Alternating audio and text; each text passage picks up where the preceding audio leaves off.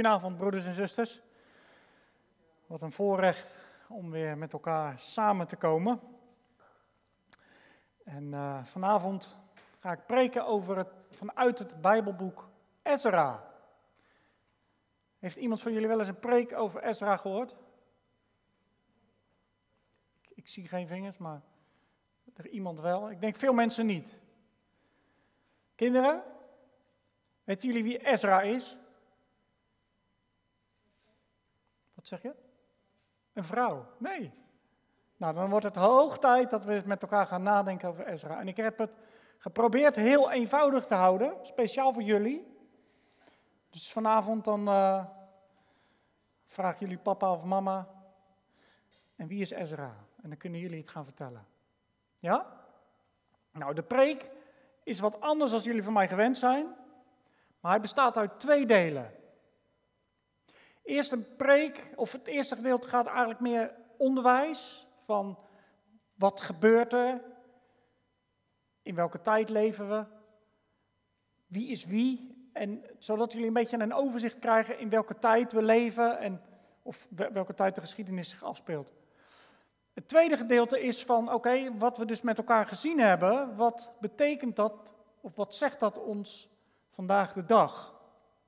En het thema voor deze avond, of het thema voor deze preek is, bouw je mee. En als we het populair zouden zeggen, dan zouden we zeggen, are you in the game? Doe je mee? Of bouw je mee? Nou, we gaan heel veel gedeeltes lezen en we beginnen bij het allerlaatste stukje uit 2 Kronieken 36. Dat is uh, eigenlijk het laatste gedeelte van Kronieken en dan gaan we eigenlijk, loopt dat in één stuk door met het Bijbelboek Ezra. Dat zullen jullie straks ook zien. Dus als het goed is, hebben jullie Ezra voor je. En ik zie daar de kinderen even zoeken, waar, waar zit het?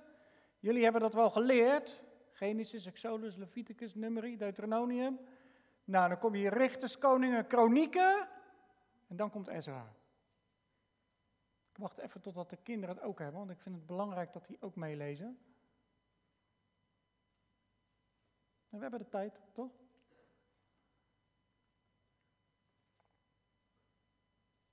En als we het laatste gedeelte van de Kroniekenboek lezen, dan zijn we aangekomen bij, het, bij de laatste koning van Juda.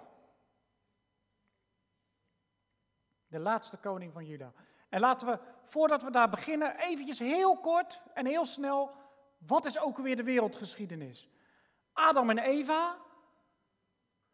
Dan heb je een tijd en dan komt Noach op het toneel, de zondvloed.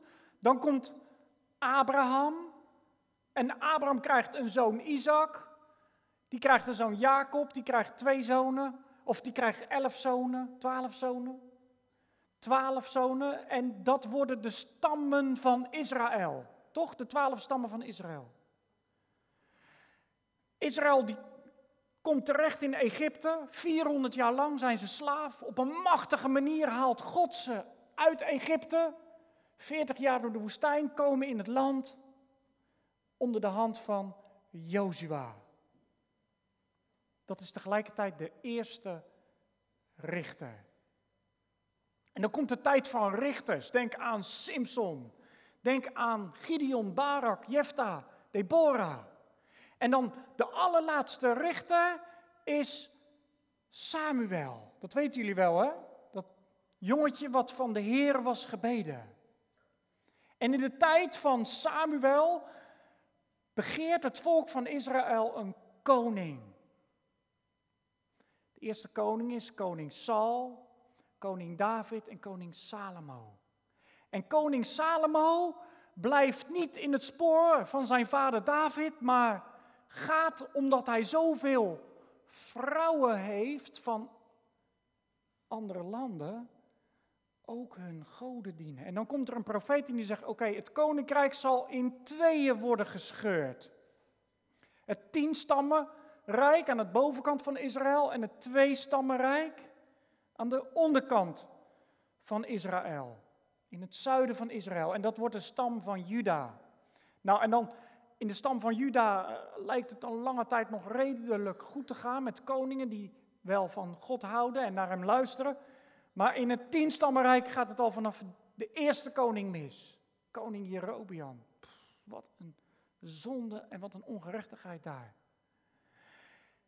En dan al die koningen en de ene dient wel de Heer en de ander niet. En het volk zakt steeds verder af. En God stuurt zijn profeten, jullie zullen worden gestraft. Had Mozes al gezegd. En dan gebeurt het met het tienstammenrijk. Zij worden meegenomen naar andere landen als gevangenen, als slaaf, weg uit hun land. En met Juda gaat het een langere tijd wel goed, maar ook daar komen koningen. Ze dienen niet de Heer. God stuurt zijn profeten en hij zegt: Jullie zullen worden gestraft. Jullie zullen worden meegenomen naar andere landen. En het gebeurt. Koning Nebukadnezar komt. Nou, dan zijn we in twee kronieken aangekomen. En die verwoest de hele tempel. En dat gaan we lezen. 2 Kronieken 36 en dan lezen we vanaf vers 17. Koning Nebukadnezar. Toen deed de koning van de Galdeeën tegen hen optrekken, die hun jonge mannen in het huis van het heiligdom met het zwaard doden. Hij spaarde de jonge mannen, de meisjes, de ouderen, de stokoude niet. God gaf hen allen in zijn hand. Alle voorwerpen uit het huis van God, dus die grote tempel die Salomo had gebouwd, de grote en de kleine, de schatten van het huis van de Heer, de schatten van de koning en zijn vorsten, dat alles bracht de koning naar Babel. Zij verbrandden het huis van God, braken de muur van Jeruzalem af, ook alle paleizen van Jeruzalem verbrandden zij met vuur, zodat alle kostbare voorwerpen ervan te gronden werden gericht. En wie overgebleven was van het zwaard, voerde hij weg naar Babel. En zij werden hem en zijn zonen tot slaven. Tot het koninkrijk van Perzië ging, tot het koninkrijk van ging regeren. Om het woord van de Heer dat hij door de mond van Jeremia gesproken had te vervullen, totdat het land behagen zou scheppen in de, zijn sabbatjaren en rusten van al de dagen.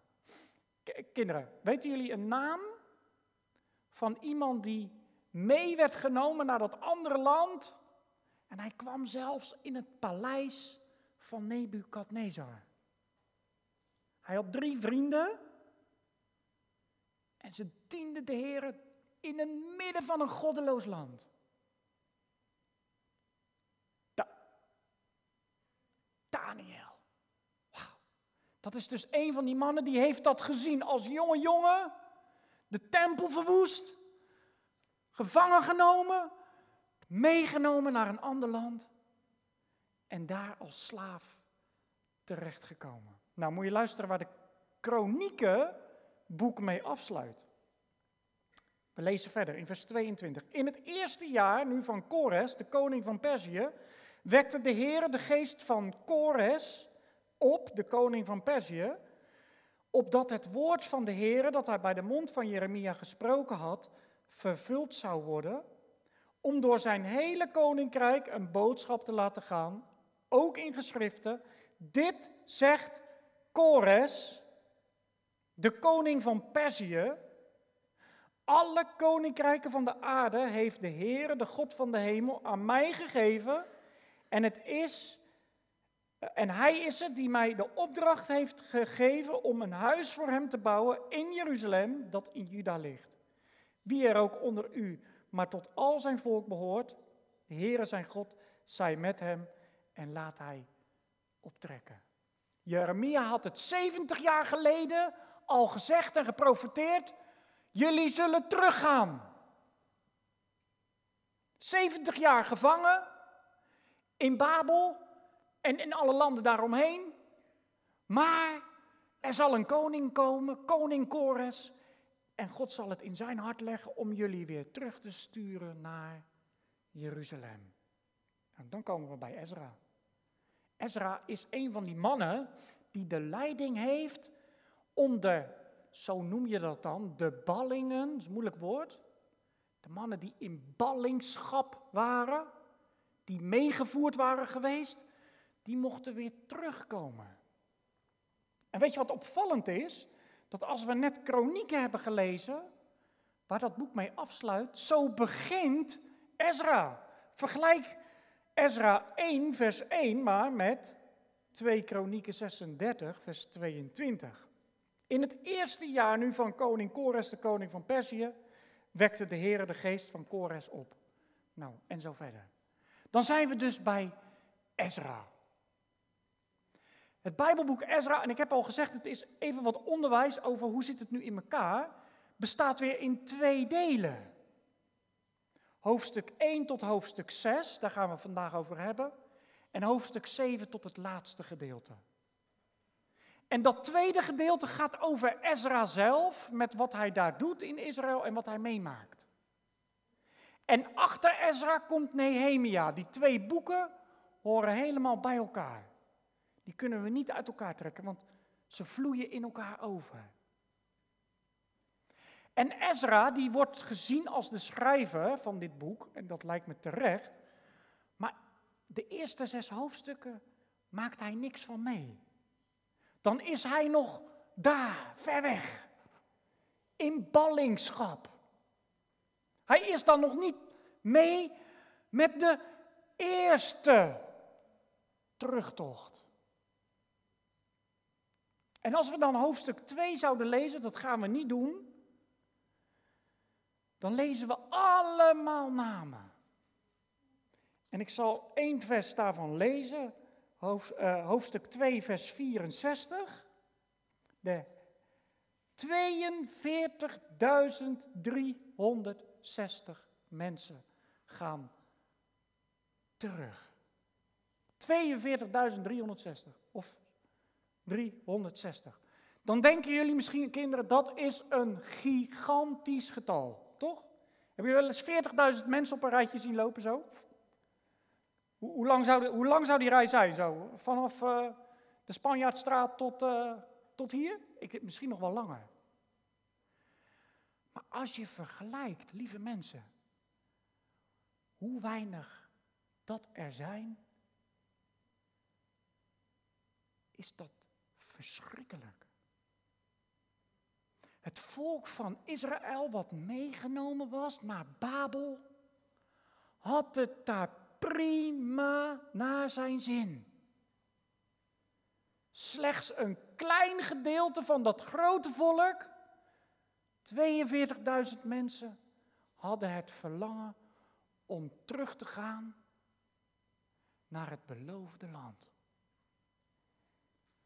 Maar een veel groter deel woonde inmiddels al 70 jaar in Babel, had daar een huis gekregen, een baan, een opleiding, had daar zijn bedrijf en had totaal geen verlangen meer naar het huis van God. Dat in Jeruzalem lag. We zouden wel kunnen zeggen, totaal van God los. Vervreemd van zijn belofte. Zijn belofte was: ik zal jullie het land als bezit geven. En als straf had God het afgenomen, maar opnieuw beloofd door Jeremia, de profeet: ik zal het opnieuw aan jullie teruggeven. Nou, zo gaat er eigenlijk maar een kleine kudde van mensen. De eerste groep die teruggaat naar Jeruzalem. En weten jullie wat ze daar aantreffen? Een puinhoop. Lees maar met mij mee. Hoofdstuk 3. En ik zal nog één ding zeggen. Weet je wat die koning, koning Kores, mee had gegeven. Alle schatten die koning Nebukadnezar 70 jaar daarvoor had gepikt uit de tempel van God. Was allemaal keurig bewaard. Er was zelfs nog een koning, koning Darius, die had gezegd: Ik ga daar uit drinken. Oh nee, koning Beltazar, sorry. Ik, ga, ik ga uit die dingen drinken. En weten jullie wat er toen gebeurde? Toen hij uit die bekers van God uit de tempel ging drinken. Toen kwam er een hand op de muur, dat weten jullie toch wel? En die schreef: Mene, mene, tekel, uphasin. Toen moest Daniel komen en moest uitleggen wat dat betekent. Nou, ze komen dus in Jeruzalem en het is een puinhoop, had ik gezegd. Hoofdstuk 3.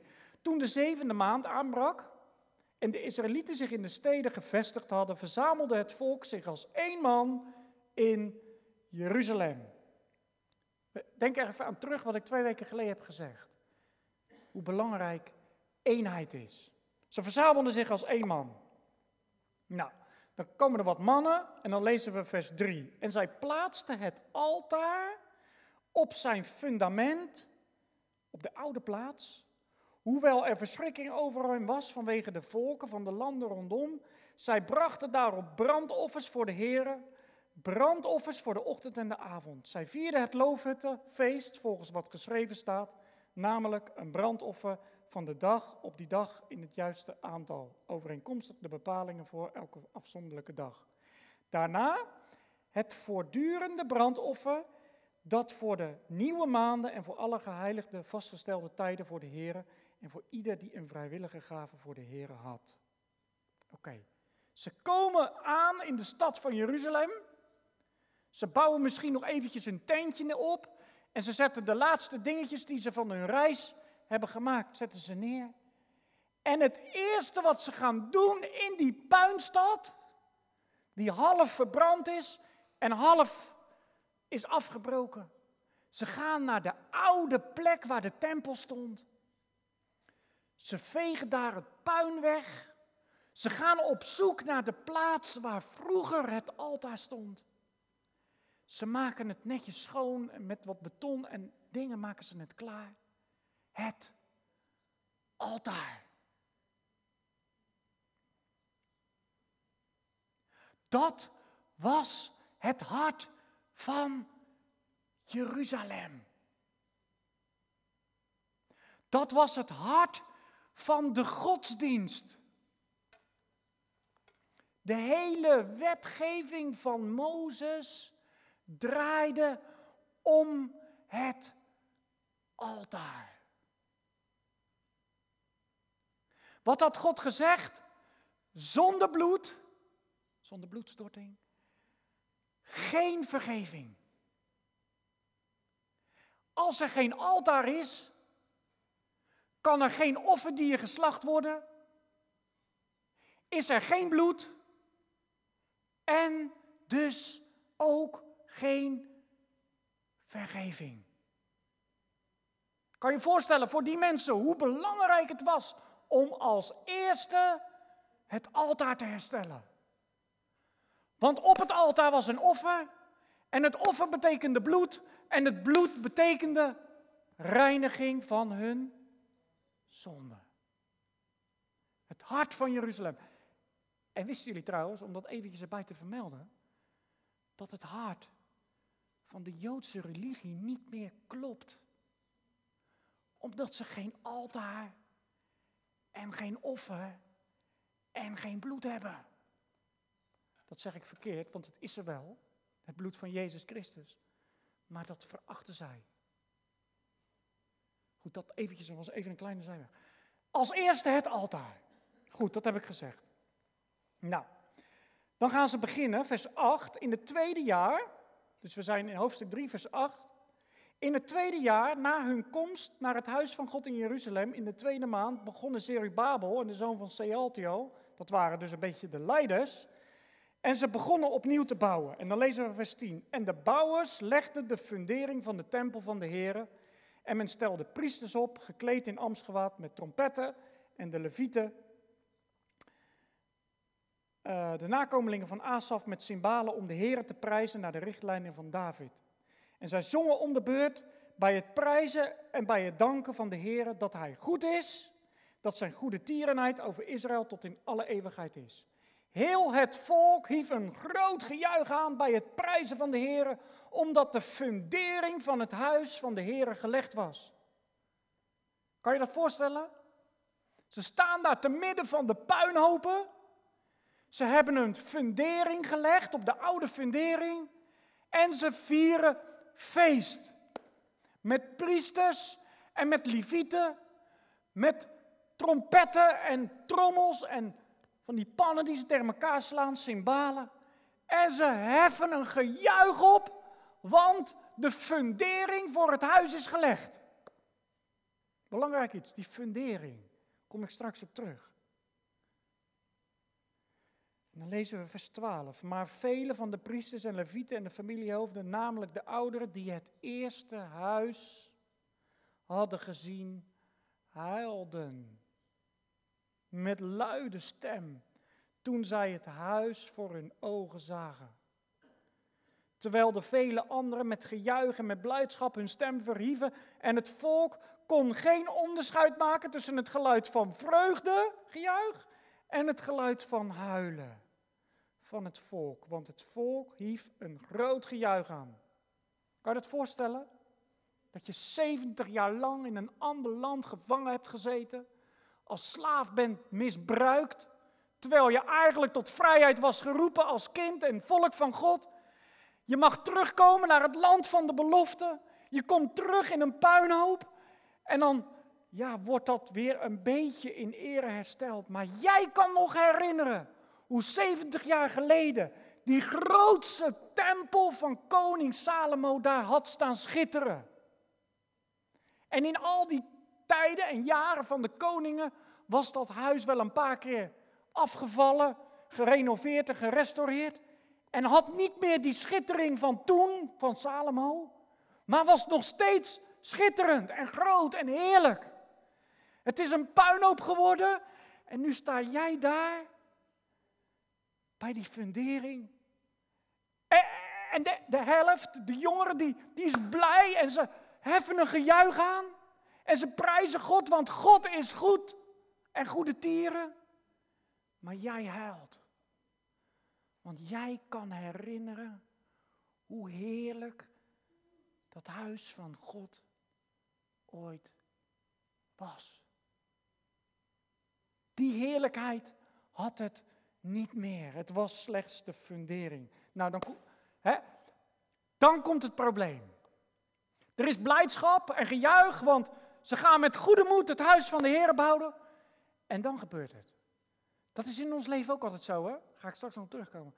Als, het, als we op de top van de berg zitten, pas op, dan komen de aanvallen. Nou, dat gebeurde hier ook. Er waren mannen en vrouwen in dat land komen wonen. In de tijd dat Israël daar weg was, had koning Nebukadnezar en andere koningen hadden daar andere mensen ingebracht in dat land. Dat werden de Samaritanen genoemd. En zij waren gaan wonen en ze hadden totaal niet meer gezorgd voor het land. Maar ze zien ineens 40.000 mensen in Jeruzalem aankomen en ze denken, lieve help, wat gebeurt er nu? Ze gaan hier een stad bouwen, maar dat mag niet gebeuren. En ze klimmen in de pen. Wie heeft jullie gezegd dat uh, wij willen... Nee, eerst doen ze het anders. Mogen wij ook meehelpen? Zullen we samen jullie Gods huis gaan bouwen? Nou, gelukkig zijn er een aantal mannen die weten van, hé, hey, wacht even, geen vermenging. Geen vermenging.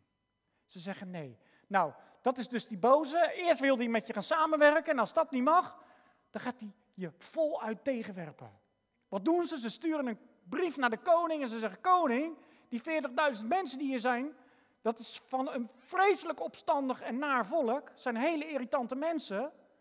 Die hebben vroeger ook altijd heel opstandig geweest. En let maar op, straks is dat huis klaar en de stad is af en dan gaan ze een opstand creëren en dan zullen ze nooit meer naar u luisteren. Is goed, zegt de koning, uh, regel het maar, stop die hele bouw en klaar ermee.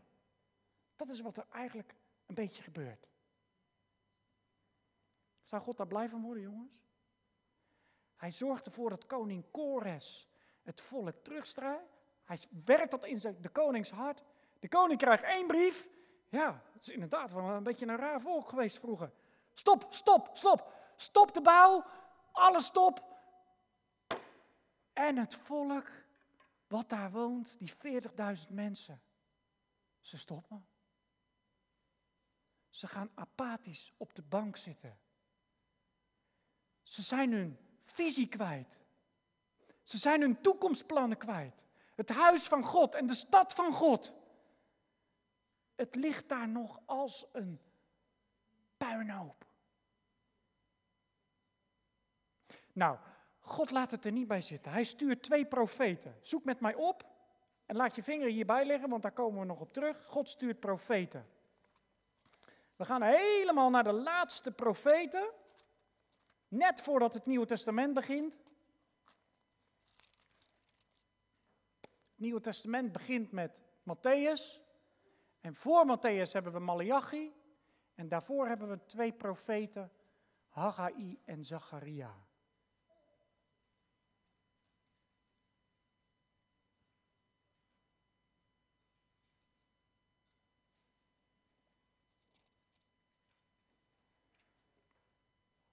Haggai 1.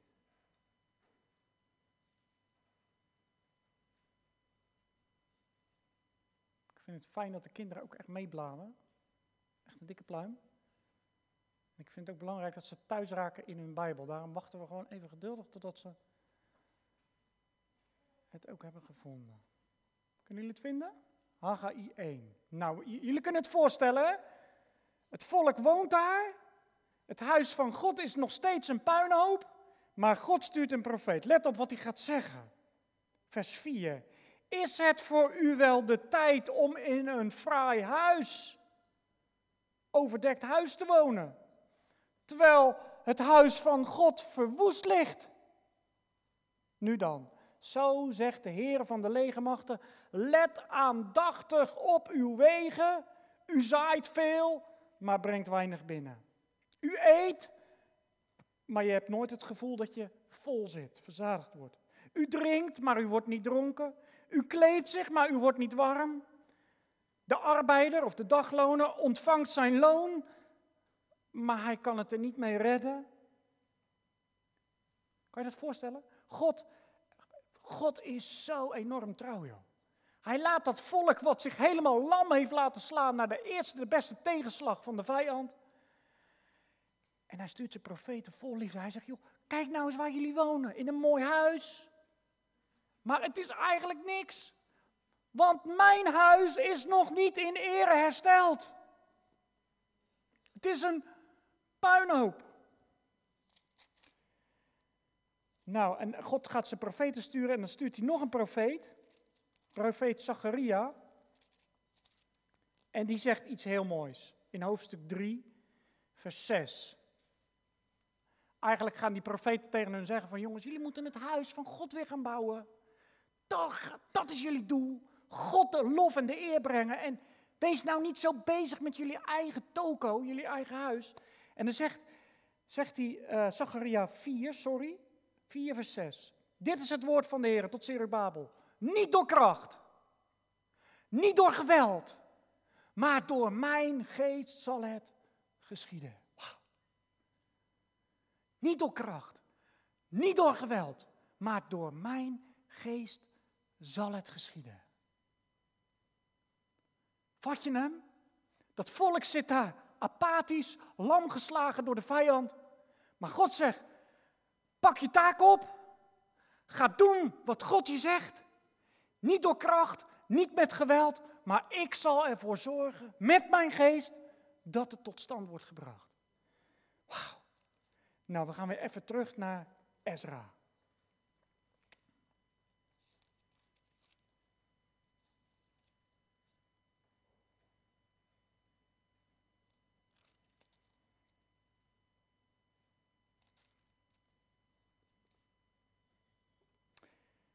Ze gaan bouwen en weet je wat er gebeurt? Die vijanden zien ook wat er gebeurt. Ze zien weer metselaars en ze zien weer timmermannen en ze zien van alles en nog wat gebeuren. En weet je wat er gebeurt? Wie heeft jullie de opdracht gegeven dat jullie dit huis weer mogen bouwen? De koning had toch gezegd dat het niet meer mocht? Weet je, die vijand die is er altijd op gericht dat dat huis maar een puinhoop blijft. En dat Jeruzalem maar vertrapt blijft. Maar die Israëlieten, die hebben nu moed. Die profeten hebben ervoor gezorgd dat ze hun werk weer gingen oppakken. En ze hadden in gedachten, niet door kracht, niet door geweld, maar door mijn geest zal het geschieden. En ze zeggen heel eenvoudig tot, tot, tot, tot die vijanden. Joh, wat zeggen jullie nou? Koning Kores zelf heeft gezegd dat we dat moesten doen. Hij gaf ons zelf financiële dingen mee. Hij gaf ons zelfs de oude tempelschatten mee. Wat denken jullie nou? En onze God zal er wel voor zorgen dat we dit huis kunnen afmaken. Dat is, weet je, als we het even in moderne termen moeten noemen. Dit is opwekking. We gaan daarmee ook naar het tweede gedeelte van de preek. Dit is opwekking. En dit is wat er ook met mijn hart, met jullie hart en met de hele kerk van Nederland moet gebeuren. We kunnen met elkaar trots kijken naar het fundament van het altaar. En zeggen, wij hebben een altaar. En we hebben ook een geweldig altaar. Met een geweldig offer. We hebben net met volle vreugde en blijdschap kunnen zeggen en zingen: Het is volbracht. Wij hebben een altaar en een fundament. Dat is de Heere Jezus Christus. En om dat altaar is een fundament. Toch? Om dat hele huis van God te bouwen. En de Bijbel zegt ons, en die leert ons, dat Jezus Christus van het huis de hoeksteen is. Weten jullie wat een hoeksteen is, kinderen? Een hoeksteen is de belangrijkste steen. Daar rust het hele huis op. Als je de hoeksteen weg zou halen, het hele huis stort in. Ja, we hebben een altaar. En ja, we hebben een fundament. En het altaar is goed en het fundament is goed. Het fundament, Jezus Christus, is zelfs onwankelbaar. Onverwoestbaar. De rots der eeuwen.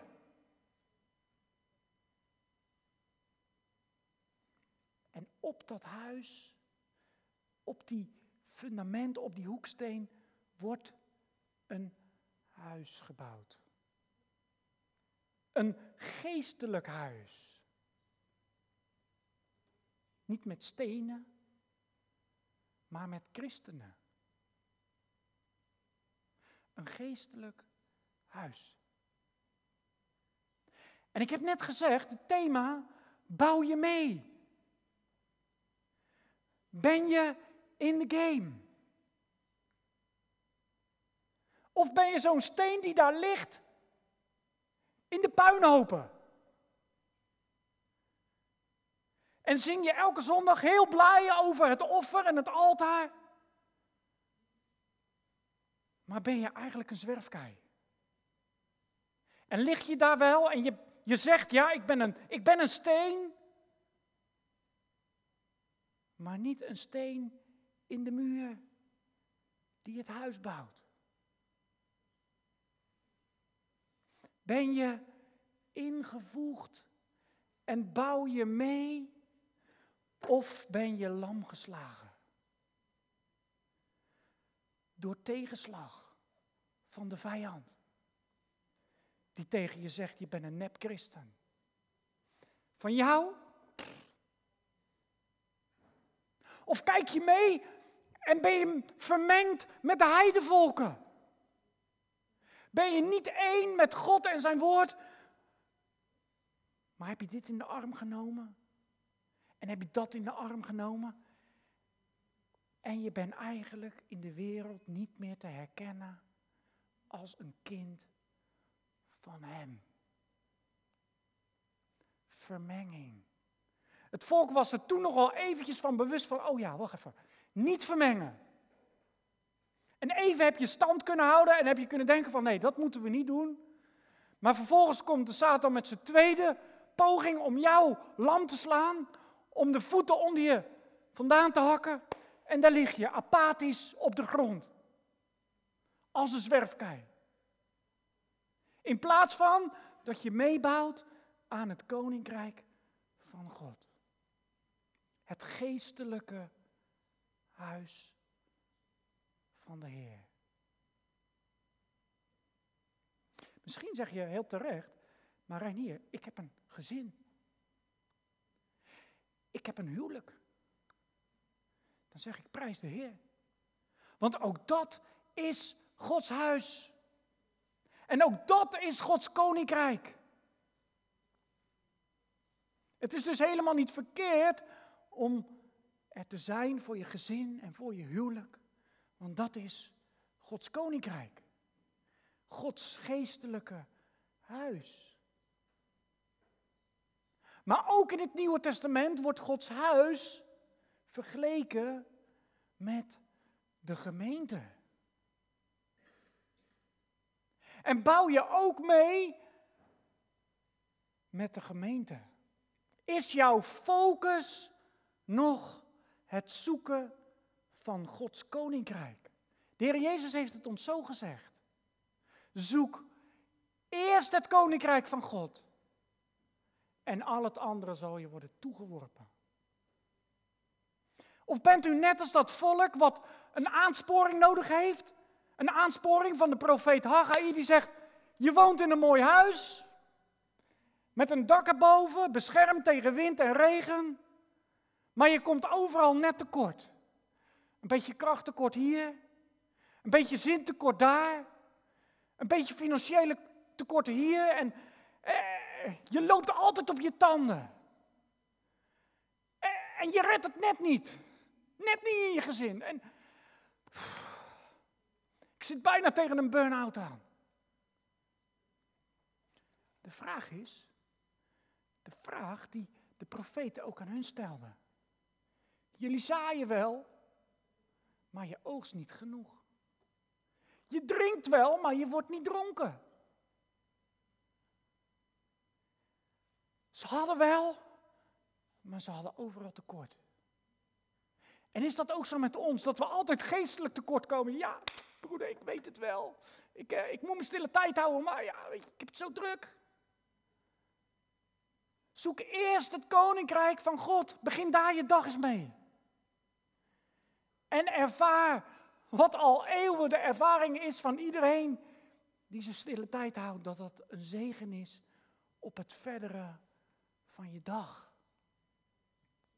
Weet je, mannen die het begrepen hebben, die hadden op een extra drukke dag extra stille tijd. Die wisten het geheim, ik kan doen en laten wat ik wil, maar als mijn Heer niet met mij is en als ik niet met Hem ben, dan kan ik doen wat ik wil, maar dan word ik nooit productief en word ik nooit zo als God mij hebben wil. Dan kan ik wel zaaien en misschien wel wat, wat winst opleveren, maar ik heb nooit mijn schuur vol, zodat ik ook weer kan uitdelen. En misschien heb je wel eventjes stille tijd en lees je wel eventjes in de Bijbel, maar heb je niet zoveel gelezen en heb je niet zoveel gebeden, dat je ook weer kan uitdelen aan anderen. Ben je altijd met jezelf bezig? Maar God zegt, zoek eerst het koninkrijk van God. En al het andere zal je worden toegeworpen. Wij zijn vaak andersom, hè? We zijn met al die dingen bezig. En dan, oh ja, we hebben ook nog het koninkrijk van God. En oh ja, we moeten ook nog, we hebben ook nog zoiets van nog mee. Oh ja, haast je repje, aankleden gauw. We gaan ook nog naar de kerk. En dan kom je haast je, zo, hè, we hebben het gehaald, we zitten in de kerk. Of was je daar de hele week al mee bezig? Ik, eh, ik noem maar even wat, hè. En dat zeg ik echt niet om iets van mezelf, maar wist je dat een preek voorbereiden echt heel veel tijd kost? En ook gebed vraagt van jullie als gemeente. En dat wij hier als gemeente zitten in een wijk die ook ons gebed nodig heeft. En als er dan wat wordt georganiseerd voor de wijk, dat het ook fijn is dat je erbij bent. En je steentje bijdraagt. En dat kan soms op een hele eenvoudige manier. Dat hoeft niet per se dat je hier bent, maar je kan bijvoorbeeld iets sponsoren. Of je kan ervoor zorgen dat er ook hier dingen zijn voor die kinderen van de wijk. Kijk, iedereen kan iets doen in het koninkrijk van God. Iedereen kan meebouwen en zijn steentje bijdragen. De een kan dat doen omdat hij veel stille tijd heeft. Die kan diamanten verwerven voor het koninkrijk van God op zijn knieën. En de ander, die heeft goud in zijn handen. Die kan het met zijn handjes doen. Die kan praktisch helpen hier en die regelt dat kinderknutselen dingen. En de ander kan mooi praten, die kan een bijbelverhaal verzorgen. En de ander, die is heel goed op hoofdniveau. Die, die zet de lijntjes uit. Die organiseert dingen en die zegt van nou, die moet dat doen. En er moet ook nog iemand zijn voor... En die doet een oproep en iedereen blijft stil. Van ja, ja. ja. En, en wacht maar totdat iemand het weer opvult die het altijd al doet. Of die altijd wel als eerste zegt van ik doe het wel. Snap je dat het koninkrijk van God bouwen altijd met elkaar gebeuren moet? Dat het nooit in je eentje kan. En dat daarom God altijd weer zijn woord uitstuurt van jongens, we moeten één zijn. Als een eenheid. En ik heb het de vorige keer gezegd en laten we het nog een keer lezen, want dan heb ik het niet gedaan. Genesis 10, als ik het goed zeg. Genesis 11, sorry. Helemaal aan het begin van je Bijbel. Genesis. Bij de torenbouw van Babel.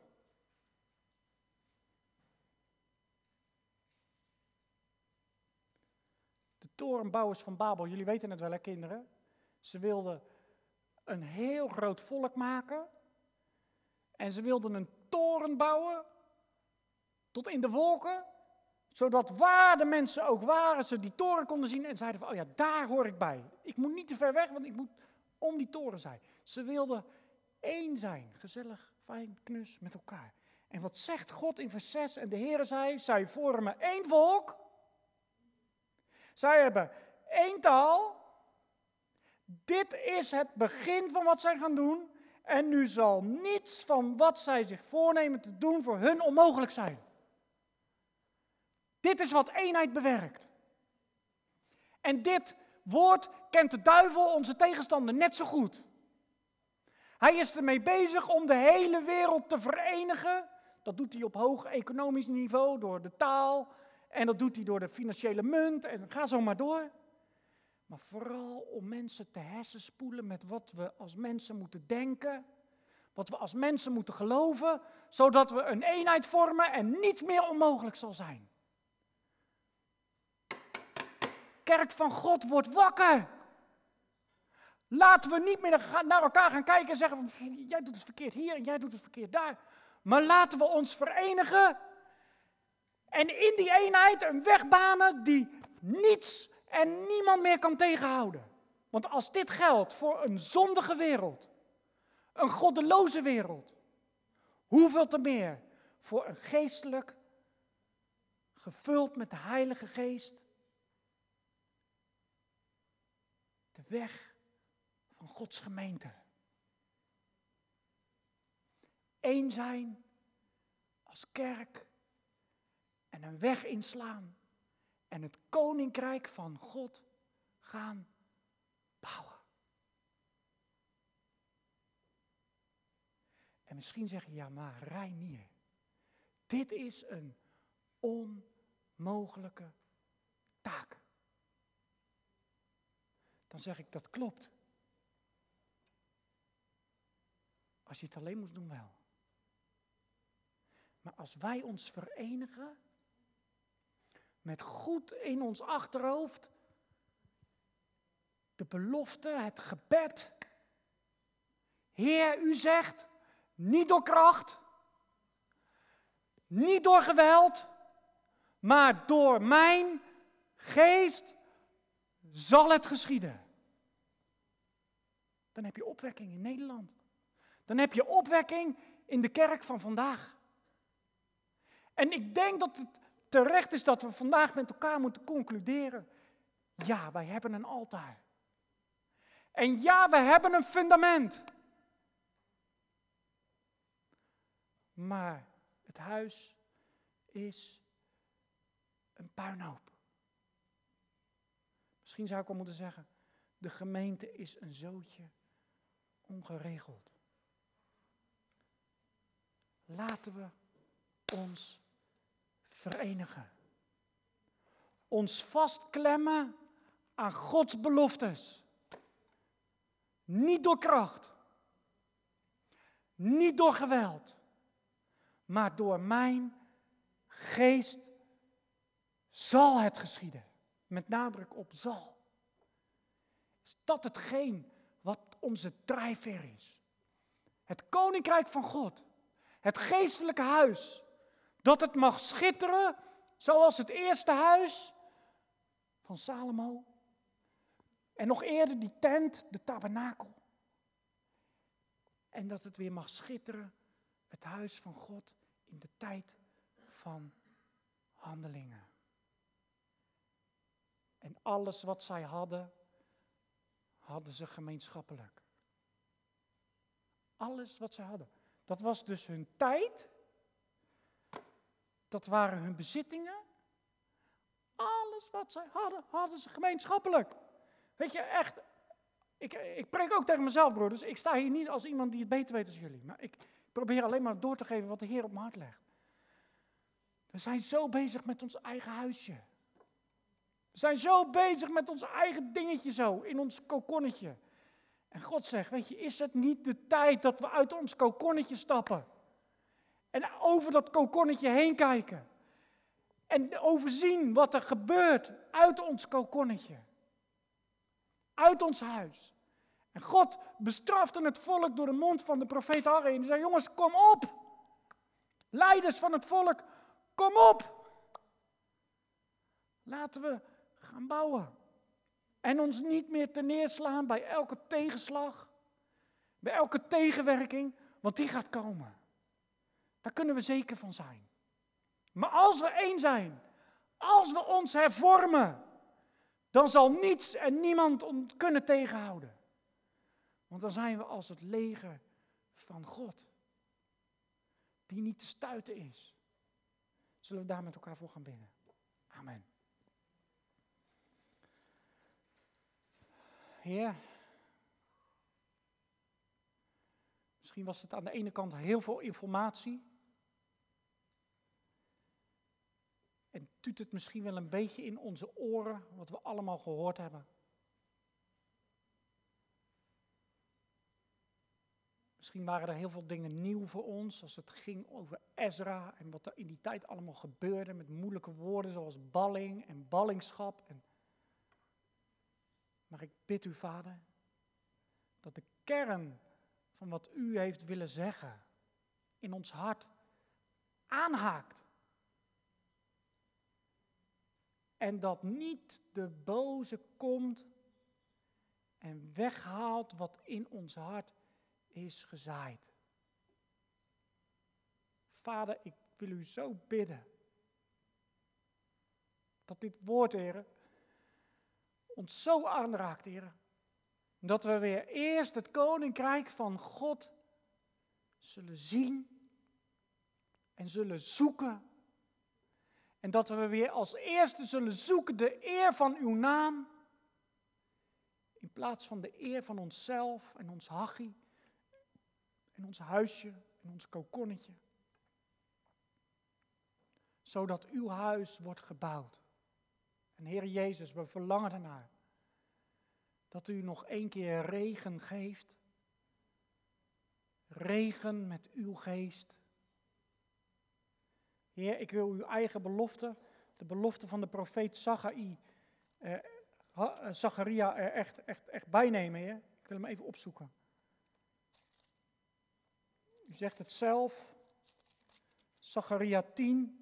Vraag de Heer om regen ten tijde van de late regen. De Heere maakt de onweerswolken en Hij zal hun regen geven voor ieder gewas op het veld. En Heer, we vragen niet om die regen voor ons gewas en voor onze oogst, onze aardse oogst, maar we vragen u om geestelijke regen, regen met uw geest. Stort uw geest uit op ons land, zoals de profeet Joel ons heeft beloofd, dat u in het laatste der dagen van uw geest zal uitstorten op alle vlees en op alle mensen. Zodat de jongelingen gezichten zullen zien en dat de, prof, de, de oudere dromen zullen dromen. En dat we zich als volk van u, als geestelijk huis, ons zullen verenigen, heren. Ik bid u echt voor de eenheid van de kerk in de laatste dagen.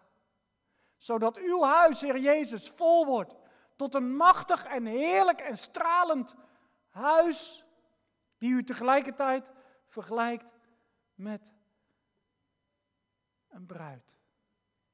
En Heer Jezus, we verlangen naar uw komst. We zien uit naar die dag dat we ons met u verenigen. Maar tot aan die dag wil ik weten wie u bent. Wil ik uw woorden tot mij nemen als een kostbaar geschenk. En wil ik uw beloftes vervuld zien worden. Ook uw beloftes om uw geest uit te storten. Voor een nieuwe Pinksterdag op deze wereld. Een machtig ontwaken. En ik bid, Vader, dat dit woord van vanavond, Heer, daar een bijdrage aan mag leveren. Zodat Jezus de eer ontvangt. De glorie en de heerlijkheid. Want u, Lam van God, bent waardig dat te ontvangen. In Jezus' naam. Amen.